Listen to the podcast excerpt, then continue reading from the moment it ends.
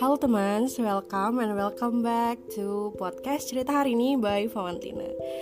Jadi, masih berhubungan dengan COVID-19 yang belum mau juga pergi dari negara kita tercinta. Hari ini aku punya teman um, namanya Ulfi Rahma Evrianti dan ya, welcome Ulfi. Halo. Iya, I'm here. Iya, Ulfi, Ulfi, boleh dong dikenalin dulu uh, Ulfi ini siapa? Hmm, Gitu. Oke oke. Mm-mm. Eh, jadi gue nama Prianti ngomongin gue gak apa-apa. Oh, It's okay. ya, eh, gue udah jadi volunteer di COVID ini selama satu bulan Mm-mm. dan memang dikhususkan untuk laboratoriumnya. Nah, keren banget kan dari perkenalannya udah dikhususkan untuk laboratoriumnya. Jadi Ulfi ini itu tuh temen aku kuliah. Nah, peminatannya kita tapi beda ya, Vi ya. Ulfi ini Beda, beda. ambil mikrobiologi, uh, aku ambil fisiologi. Nah, dari situ pas banget nih. Kita tahu nih Ulfi berarti tuh gimana ya? Anaknya tuh nge-lab banget gitu. Ya kan? Kalau backgroundnya Ulfi S1 apaan, Vi?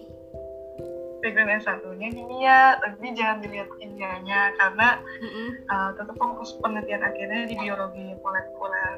Mm-mm. Terus terus em, apa sih maksudnya lagi ngapain aja Vi nih selain menjadi em, volunteer atau emang full time volunteer? Full time volunteer karena sekarang lagi dituntut buat setiap hari sampel. Jadi sampel-sampel covid memang kan khusus buat di DKI yang buat kerjain Mm-mm. dan itu lagi banyak banget. Jadi kita benar-benar bekerja seperti kuda. Oh, gitu dan ya. ini Selasa Rabu dia karena hari ini free aja. Jadi seminggu tuh enam kali kerja. Wow. Tapi Vi eh, awal-awal dulu itu tuh kenapa sih kenapa memutuskan buat terjun gitu? Lo nggak takut Vi?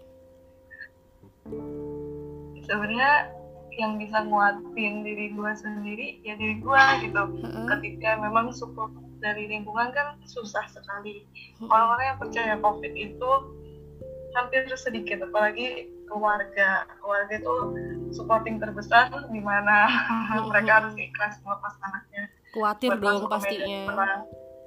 Ya ya gimana kita harus bisa meyakini mereka. Sebenarnya alasan terbesarnya karena gue ngerasa gue punya ilmu gue ngerasa ini ladang ibadah buat gue dan Oh, ini Masya Allah, tabarakallah. Hmm, apa ya gue ngerasa kalau gue cuma diem doang di rumah cuma menonton gitu di layar TV semakin hari pasien semakin banyak itu ngerasanya sedih karena kok gue cuma duduk diem doang ya. Nah itu akhirnya yang mengetuk kayaknya gue harus ikut terjun buat bantu walaupun sedikit apa pun itu Ih keren lah di lab mah. Berarti ikutnya di lab mana Vi? Kan banyak tuh yang eh, rumah sakit rumah sakit yang ditunjuk buat PCR ini. Ya jadi kalau misalnya untuk pemeriksaan PCR sendiri kan ada dua Mm-mm. ada pemeriksaan di lab sama pemeriksaan di rumah sakit. Mm-mm. Nah, gue kebagiannya di lab dan khususnya lab DKI Jakarta. Mm-mm. Jadi sampel-sampel warga DKI saja. seluruhnya gitu eh, sama tim yang Iya. pegang gitu ya. Dan itu sampel-sampelnya yang datang juga dari berbagai rumah sakit yang dikerjain. Oh iya. Dari rumah sakit dan dari berbagai puskesmas. Oh gitu. Banyak Puskesmas, banget iya, dong berarti ya. juga.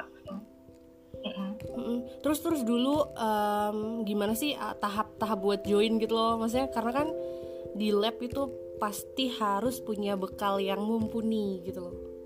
Sama kayak Ulfi tadi bilang merasa punya ilmu kayak gitu. Syarat-syaratnya gitu kali ya. Apaan, Pi? Nah, kemarin itu kebetulan pas ada pembukaan. Jadi waktu itu ada hmm, pamfletnya Mm-mm. Jakarta memanggilmu gitu. Dan gue ngerasa gue kepanggil nih kayaknya buat buat bantuin. Nah, di pamflet itu tertera banyak banget yang dibutuhkan kayak misalnya suster, dokter, perawat, bahkan kayak buat sopir terus untuk laundry Iya. untuk bagian laboratorium itu banyak banget orang-orang yang bekerja di belakang misi covid ini dan di situ ada spesifiknya misalnya kalau di lab itu harus punya skill apa gitu dan misalnya ada juga yang bilang harus pakai STR, ada yang nggak harus pakai STR. Di situ kalau dokter juga harus ada kayak pernah ikut sertifikat latihan apa gitu. Nah, Um, jadi sebenarnya kalau misalnya ikut-ikut itu yang penting kalau gue sih semangatnya ya. Entah itu skill lo udah jago banget dewa banget gede banget tapi kalau misalnya lo nggak punya semangat buat bantu di sini ya nggak dikasih jalan gitu sama Tuhan. Ya, mungkin sih kalau misalnya mau ikut semangatin dulu diri sendiri dulu aja. Muatin diri sendiri karena habis itu pengumuman nih. Pengumuman lu ngeliat nama lu gitu lolos itu juga langsung ah yakin nih gue lolos gitu. Terus kemarin kenapa ya gue join nih? Kayak bingung gitu loh. Oh besok gue udah mulai mulai eh, kecemplung nih gitu. Tapi ya udah. Enjoy ya. diri dulu aja. Enjoyin aja. Mm-mm. Terus eh, di lab itu tuh ngapain aja bi?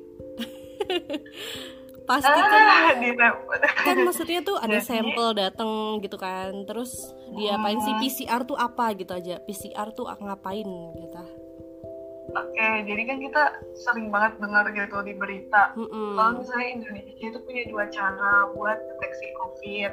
ya Yang pertama itu pakai screening dasar yang rapid test, yang ya rapid kan? ya exactly Nah, tapi itu kan hanya untuk screening, tidak untuk konfirmasi dengan berbagai spekulasi alasannya. Nah, yang kedua itu pakai konfirmasi via PCR dengan bantuan spesimen swab.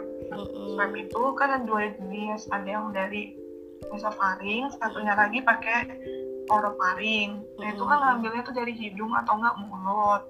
Jadi yang gue lakuin di sini khusus untuk PCR-nya tidak untuk rapid test. Karena kalau rapid test itu biasanya buat teman-teman yang ada di lapangan. Jadi kalau yang rapid test misalnya ada di gor ada di stadion. Ya, itu kan ya. rapid rapid test tuh yang biasanya cuma lima menitan.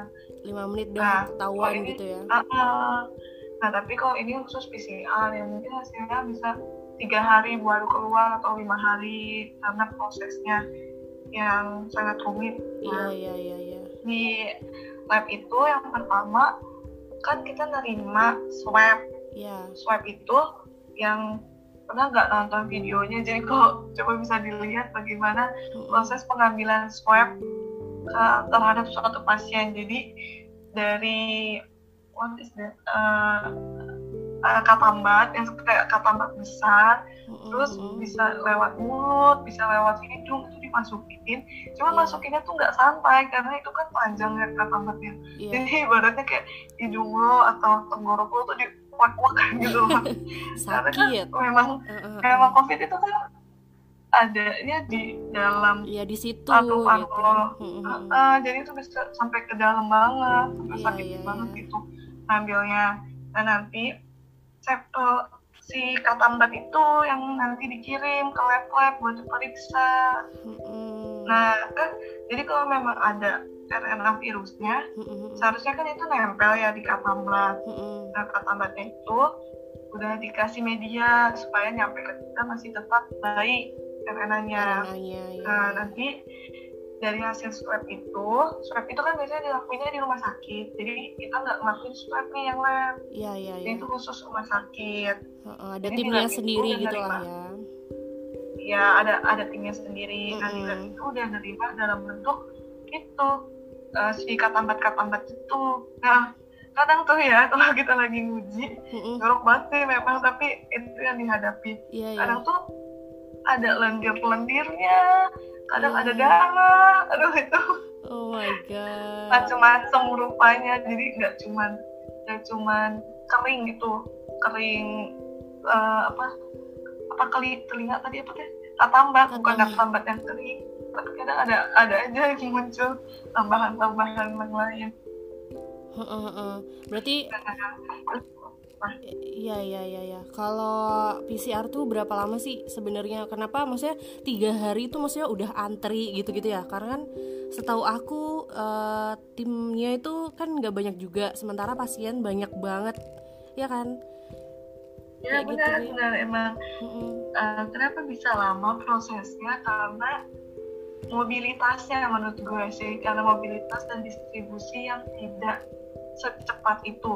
Mm-hmm. Pertama, kalau orang pasien ngambil sampel nih di rumah sakit, mm-hmm. nah butuh waktu distribusi dari rumah sakit ke laboratorium kan. Mm-hmm. Itu bisa jadi dalam satu hari mungkin diakumulasi dulu di suatu rumah sakit baru oh, dikirim iya. ke kita. Oh, iya, ya nggak sih? Itu iya, udah butuh iya, berapa iya. lama? Sehari lah misalnya. Mm-hmm. Nah belum lagi di lab itu udah ada tumpukan antrian nah, antrian dari hari-hari sebelumnya karena misalnya kapasitas kita di lab itu misalnya cuma 500 aja tapi Jakarta setiap hari itu udah ngirim 1000 sampel setiap hari nah itu akan jadi penumpukan penumpukan setiap hari makin banyak sebenarnya proses dari ekstraksinya sendiri kan apa itu ada ekstraksi habis ekstraksi RNA mm-hmm. kita ke PCR kan yeah. itu sebenarnya kalau diakumulasi secara misalnya kita cuma punya satu sampel gitu ya mm-hmm. itu sebenarnya plus minus paling 6 jam gitu loh 6 jam juga udah sama kita membuat kesimpulan baca data segala macam. Jadi ngambil sampel sebenarnya cuma 6 jam tapi karena banyaknya sampel yang datang itu akhirnya berakibat lamanya gitu oh, hasil yang iya, didapat iya, dari seorang pasien. Itu sebenarnya harus di dikaji ulang gitu kan terlalu lama. Iya, dan iya, iya, iya. apalagi ya dan dan kan tahapnya dari swab itu kita ekstraksi kita keluarin RNA virusnya kalau memang ada mm-hmm. jadi dari swab itu kita keluarin supaya dapat RNA yang benar-benar pure bisa dari dari uh, yang lain-lain kayak dari proteinnya dari kapsidnya dia segala macam. jadi khusus buat RNA virusnya. Setelah kalau udah RNA nya berhasil diekstraksi baru masuk ke PCR jadi kalau misalnya di lab juga semua itu bermuara di satu informasi dari Badan Penelitian dan Pengembangan Kesehatan Litbangkes. Itu satu negara itu muara informasinya itu dari Litbangkes. Mm-hmm. jadi semua standar misalnya kayak pengambilan keputusan seorang pasien positif atau negatif itu dari litbangkes. Misalnya ada standarnya di siklus oh, berapa kan kita bisa bilang orang ini positif kita oh, bisa iya, iya. bilang dia negatif itu yang seperti apa. Nah itu ada dari litbangkes markernya dari sana gitu ya Vi ya? Ya markernya itu oh, di sini iya, iya. ada standar khususnya biar semuanya sama. Terus Vi gimana ya? Aku masih belum bisa bayangin aja gitu loh, karena kan um, ibaratnya tuh lo sama temen-temen yang di sana yang di lab tuh bener-bener ngadepin si virusnya itu gitu Misal Jelas kita ada di depan mata loh. Iya di depan Apalagi mata. Kalau di depan mata itu kalau misalnya mungkin kalau suster-suster, dokter-dokter kan berhubungannya sama wujud manusia ya. Iya iya betul. Walaupun uh. memang memang itu juga uh, kontak langsungnya kemungkinan terjadinya juga sangat besar gitu. nah, gitu. Itu Tapi dia. sama juga gitu orang-orang yang di laboratorium apalagi gitu. Kita berhadapan langsung dengan spesimennya. itu dia. uh, yang rasanya ya, kita mm. perlu pakai perlengkapan yang yang harus menutup semua badan kita juga ya, ya, harus ya. safety-nya juga tinggi sekali terus juga kita harus tahu juga belajar juga apa yang kita hadapin supaya jangan sampai panik atau apa pun.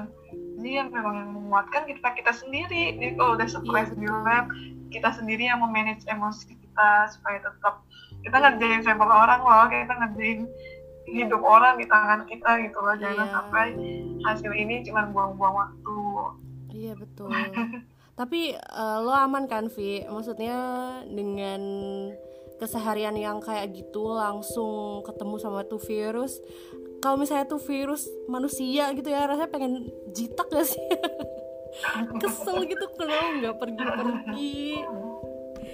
Aman kan Vi iya, sama tim di sana? Maksudnya uh, nggak timbul apa-apa yang mengkhawatirkan gitu kan ya? Sehat gitu kan maksudnya? Uh, gimana ya bilangnya? Ya kita berusaha meminimalisir sekecil apa pun resiko yang kita hadapi yaitu dengan Hmm. pakai APD lah gitu. Mm-mm. tapi kan kita pun yang memakai APD belum tentu belum tentu bebas kan dari virus kita nggak tahu loh gitu ibaratnya orang orang biasa aja yang mereka tidak kontak dengan siapa-siapa dia bahkan mungkin nggak berpergian itu tiba-tiba bisa aja kan dia kena covid padahal Iya. dia cuman orang biasa gitu yang nggak ikut terjun Yap. apalagi kita gitu loh Nah. makanya Heeh. dibilang iya atau enggak ya semoga tidak gitu Iya iya iya. karena amin. kita meminimalisir tapi ya jangan sampai gitu ya Iya, iya. benar kita harus selamatin diri kita sendiri dulu Iya. buat selamatin banyak orang. Terus yang em, sebelum apa namanya ya, yang tadi lo bilang sempat swab sendiri gimana tuh? Jadi tadi sebelum podcast ini di take, Ulfi sempat cerita kalau Ulfi juga sempat swab. Gimana tuh, Vi? Dan itu sakit sungguh deh. Oh, jadi iya. gue udah sebulan kerja sama covid baru Iya. diperiksa nih orang-orang yang di belakang layarnya tuh. Kira-kira sebulan main sama covid tuh bakalan eh, terkontaminasi nggak sih gitu. Jadi tadi gue di swab. Di swab itu pakai katambat itu dimasukin lewat hidung karena Oh. kan puasa ya. Oh iya iya. ya Allah itu rasanya tuh bener-bener itu katambat kan gede ya. Itu udah gitu panjang banget. Nah aduh. Itu masuk gue bayangin dong hidung gue yang mungil begini dimasukin dimasukin katambat yang panjang. Udah gitu ibaratnya kalau lu ngupil kan cuma sampai dasar hidung ya. Ini tuh enggak mau itu sampai dalam banget. Itu kayak sampai tenggorokan lu kali ya. Sampai masuk ke dalam udah gitu itu berasa banget gitu loh. Aduh ya gue kalau ingat itu. Ya Allah. udah gitu udah sam- udah didorong sampai dalam jadi kita tuh nggak boleh ngelawan gitu loh udah rasain aja ibaratnya udah di aduh itu pengalaman gue pertama dan Oh semoga my tidak God. lagi deh Yang iya, kayak iya, gitu. iya. udah di dalam terus eh, ketambatnya tuh di ini dikorek-korek gitu loh di dalam itu udah, udah Oh. sampai di tengah-tengah ujung dikorek-korek dimaju mundurin Aduh. kayak sih memang mungkin ya memang itu kali ya caranya. Tapi itu emang nyakitin banget. Ngilu tapi dengernya. ya Ih beneran kalau kalau ngeliat videonya lihat deh videonya. Serem banget deh sakit. Kalau tadi aja sampai ada yang ini ada yang keluar darah gue aja sampai sedih. Gue tuh keluar keluar itu ya udah lega gitu. Gue langsung gue sakit banget. Sampai gue menyucur air mata. Sedih deh. Terus eh, ntar yang yang ngecek eh, yang nge-PCR-in em, lo sendiri gitu apa? orang lain orang lain. enggak Yang Blind test gitu ya? lain biar nggak ada manipulasi data lah Oh iya iya ya blind testnya juga. ya Iya, plus iya. Terus kalau sampai hari ini tadi kan bilang tuh setiap hari Jakarta tuh ada seribuan lebih data yang uh, sampel yang masuk gitu. Terus berarti udah Hmm. udah ngetes berapa ratusan berapa ribuan kamu Vi? Banyak kelihatan aduh kalau sampai sekarang eh, kan yang dites itu rata-rata kayak ODP, PDP gitu loh. Uh, uh, uh. kalau tahu sendiri ODP aja kayaknya ribuan kan. Iya betul. nah itu yang pasien-pasien ODP, pasien PDP terus juga kalau kita lagi meriksa sampel tuh kita bisa lihat namanya dia siapa, umurnya berapa Uh, ini ngambil dari rumah sakit mana di situ ya ya itu kadang yang bikin kita berdoa gitu ya Allah semoga hari ini benar tuntas ngerjain uh, uh, ngerjain sampelnya dengan baik dengan konsentrasi yang tinggi gitu karena uh, uh, yang uh. dihadapin jelas gitu nama-nama mereka yang mereka nunggu hasil dari pekerjaan gue dan teman-teman Iya iya iya.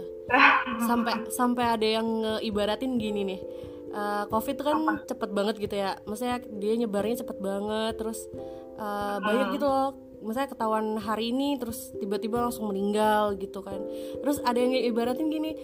Ibaratnya tuh PCR-nya belum keluar aja, pasiennya udah jadi jenazah gitu loh. iya benar itu benar banget benar banget ya itu yang memang memprihatinkan karena ya jangan sampai lah jadi miskomunikasi orang yang misalnya bukan sakit karena covid jadi diarah-arahin kan sekarang Hmm. semua tuh kalau misalnya kita punya gejala simptomnya kayak kayak covid kan udah kalau dibilang ODP gitu kan. Iya iya iya. tapi emang di lapangan tuh itu yang emang kita hadapi. Karena kan kita sendiri kan bukan robot. Kita sendiri juga manusia yang kita harus selamatin diri kita sendiri gitu loh. Kita juga punya batas maksimum kita ngerjainnya itu berapa lelahnya kita gimana. Makanya harus tetap diatur. Kita juga tetap harus atur nafas atur jeda sebenarnya ada solusinya gimana kita bisa bisa mencetak ribuan sampel gitu. Harapan tinggi kita bisa dapat hasil sampel secepat itu supaya pasiennya nggak keburu meninggal itu ada caranya mm-hmm. caranya adalah menggunakan alat-alat yang sudah otomatis mm-hmm. jadi banyak sekali atas alat-alat otomatis buat ekstraksi jadi yeah. itu meminimalisir sekali waktu yang digunakan mm-hmm. tenaga apalagi tenaga orang-orang lab itu Iya. belum lagi kita bisa bisa running running kita bisa mengerjakan sampel dalam waktu yang cepat jadi sampelnya banyak tapi waktunya cepat gitu hasilnya bisa iya, cepat tapi lagi-lagi yang harus diingat adalah alat-alat itu semua kan jadi rebutan semua negara. Iya betul. Yang COVID kan bukan cuma di Indonesia, mm -mm, ya nggak sih? Mm -mm, semua sih. negara tuh sekarang lagi berlomba-lomba buat memecahkan masalah COVID secepat mungkin. Jadi mungkin yeah mungkin negara bukan mungkin sih ya negara pasti sudah memikirkan setinggi itu. Mungkin mereka juga sedang berusaha petinggi petinggi kita untuk mendapatkan alat-alat terbaik gitu loh. Supaya di sini juga bisa cepat. Nah tapi lagi-lagi ya itu alat pasti diperebutkan oleh banyak banyak negara. Iya iya iya keren sih ya, tapi kita berarti masih begini-begini saja. Mm, mm, mm. kalau menurut lo Vi ini orang-orang tuh kayak misalnya apa ya udah tahu um, angka astaga motor lewat banyak banget. Bentar bentar. Oh my god. Ya ya. Ulang ya.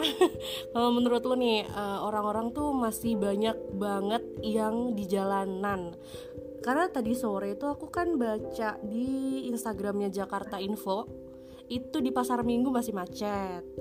Di beberapa titik masih macet. ya, putus, sumpah kesel banget. Oh iya oh. putus-putus. Halo? Vi? Hmm. denger nggak? Vi? Oh my god.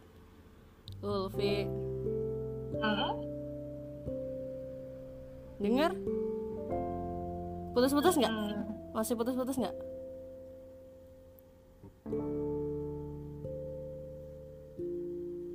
Ya dengar-dengar. Nggak putus-putus lagi kan? Apa-apa. Jadi ini kan apa ya dari ceritanya kamu tadi kan se-struggle itu teman-teman yang ada di lab gitu loh. Berjuang gitu. Berhadapan langsung sama itu virus gitu kan ibaratnya. Tapi orang-orang tuh masih bebel gitu loh. Masih pada di jalan kumpul-kumpul nggak jelas. Ya kayak masa bodoh gitu loh. Kayak mereka tuh ih kesel liatnya. Menurutmu gimana Vi? Aduh itu susah sih. Banyak aspek yang harus dibahas kalau ngomongin iya. orang-orang yang tetap ada di jalan karena semua orang mungkin punya kepentingan tapi gimana mobilisasi itu harus memang dibatasi supaya covid itu nggak menyebar terlalu cepat gitu nah sama apalagi ini setiap hari kan pulang pergi hotel ke lab hotel ke lab itu kan juga melewat jalan. Yeah. terus ngeliat juga kondisi jalan. Kadang tuh sedih gitu loh gue di sini sama temen-temen lagi berjuang banget di garda depan. Tapi ngeliat jalanan masih macet lampu merah masih sepanjang itu gitu yeah. loh aduh tuh sedih banget. Tapi nggak bisa dipungkiri gitu. Mungkin ada kalangan masyarakat yang memang harus bekerja. Karena ada perusahaan-perusahaan yang masih harus bekerja ada juga mungkin yang alasan faktor ekonomi mereka. Tapi gue punya pesan gitu selagi ada orang-orang yang memang tidak punya kepentingan atau apa pun tolong dong sadar gitu loh. Kalau negara kita tuh sedang tidak baik-baik saja gitu. Iya, jangan jangan, jangan egois buat keluar-keluar walaupun mungkin banyak orang yang menyepelekan atau mungkin banyak yang bosan kali ya di rumah. Mm -hmm. tapi ini nyata gitu loh yang kita hadapin. Jangan sampai kita telat sadarnya yang sampai negara kita tuh bisa kayak negara-negara yang parah yang bahkan jenazahnya aja susah untuk di di diurusin gitu loh saking banyaknya setiap hari yang kematiannya. Kan itu jangan sampai negara kita ke sana. Tapi kita memang harus berkaca gitu sama negara-negara seperti itu yang mereka bahkan penanganan covid itu lama lah segala macam makanya harus dari diri kita sendiri masing-masing kita bisa memberitahu orang-orang sekitar kita. Please dong gitu loh stop. Stop untuk sementara. Iya betul. Jadi semua udahan gitu. Sedih. Vivi kalau ini Vi uh, mau bahas sedikit ah. dong soal tadi kan nyebut uh, negara-negara lain tuh. Uh, denger nggak? Pasti denger deh. Vietnam tuh kan mereka udah um, apa namanya tidak melockdown negaranya lagi ya gak sih? Menghapuskan mereka lockdown dengan iya mereka baik dalam penanganan mm -mm, karena dalam beberapa minggu terakhir tidak ada lagi laporan kasus COVID-19 gitu. Itu kali ya Vi yang har yang kita harap harapkan gitu.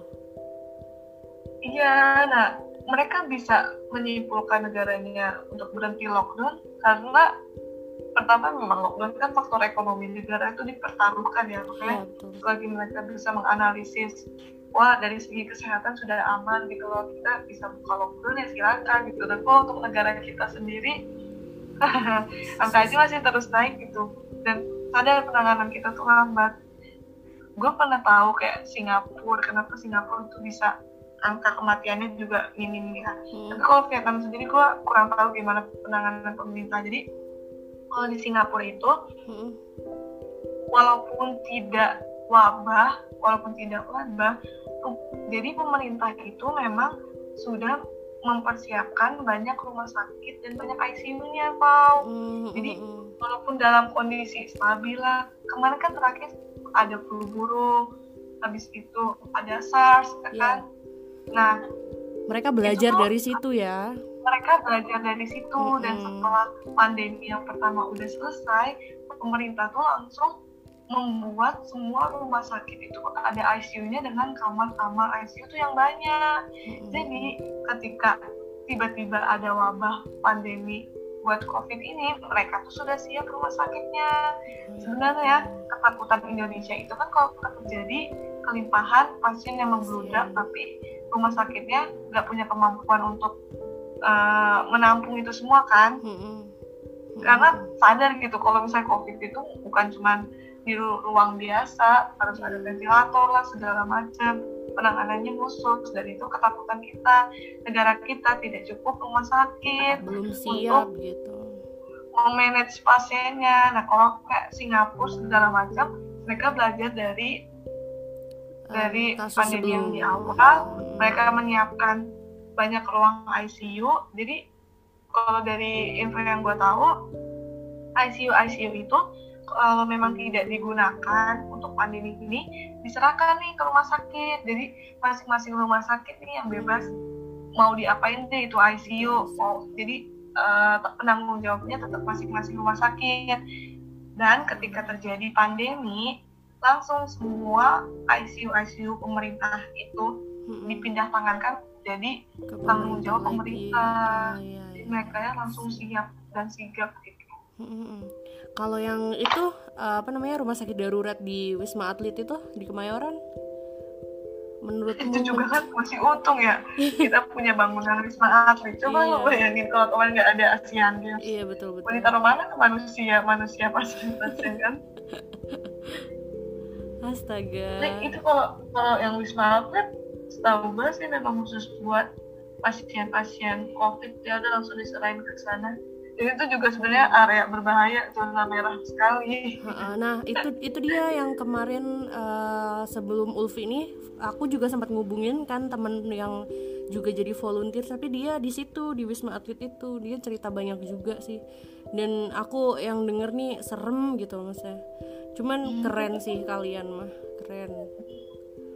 Ya semuanya punya punya tantangannya masing-masing lah. Iya iya iya terakhir dong Vi mungkin um, apa pesan-pesan yang lebih mendalam gitu biar bisa nampol nih orang-orang yang mungkin masih gimana ya masih bodoh amat gitu. Terlepas dari orang-orang yang memang harus keluar demi ekonomi rumah tangganya gitu.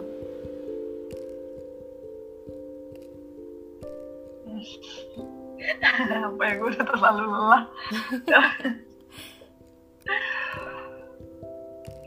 covid ini bukan bisa diselesaikan dari satu tangan doang bukan cuma pemerintah bukan cuma kita ngandelin atau menjelekkan atau membanggakan pemerintah tapi semua aspek itu berjalan bersama-sama pemerintah pun nggak bisa berjalan gitu kalau nggak ada volunteer yeah. jadi gue gue pengen banget buat teman-teman yang memang punya kapabilitas buat ikut join ikut bantu yang mereka punya kemampuan yang mereka masih takut gitu. Buat bantu negara ayo terjun bareng-bareng. Gak apa-apa. Gak apa-apa pun ini uh, ibadah gitu buat diri lo atas ilmu lo gitu. Iya iya iya. Ikut turun bantu. Itu yang pertama supaya kita sama-sama saling pegangan. Karena dunia kita sedang tidak baik-baik saja dan bumi butuh lebih banyak orang baik keren. Untuk diam di rumah untuk bantuin kita semua punya peran masing-masing. Iya iya. Betul. Itu dia. Diam di rumah tuh juga bantu loh gitu. Kan? Betul. Sekali. Ya oke. Okay. jadi segitu aja kali ya Vi terima kasih banget udah mau um, join sama aku di podcast ini buat sharing okay. tentang pengalaman yang sungguh tidak terbayangkan olehku sebelumnya. Karena apa ya kan gue tahu PCR aja kemarin yang di lab itu SGBM itu serius itu aja kita nggak ngerjain. Ya itu aja kita aduh ngerjainnya cuman begitu begitu doang. Itu aja masih DNA ya ini RNA ya gitu deh. Pokoknya terima kasih banyak sehat-sehat Ulfi semangat um, sama tim-tim di sana. Semoga kita segera selesai lah ini uh, this outbreak situation. It's really killing me softly. Ya udah gitu aja ya. Semoga uh, teman-teman yang mendengarkan bisa mengambil banyak sisi positif dari ceritanya Ulfi. Oh ya boleh. Nanti misalnya mau tanya-tanya boleh follow IG-nya Ulfi apa Vi? boleh banget at Ulfi Rahma A A pokoknya A belakangnya tiga aja oh gitu Ulfi Rahma A nya tiga di belakang oke okay. ya, ya, thank you so so much Ulfi selamat istirahat ya Bye ya, makasih juga, Val. Semoga bermanfaat sekali. Yep. Bye. Yap. Bye.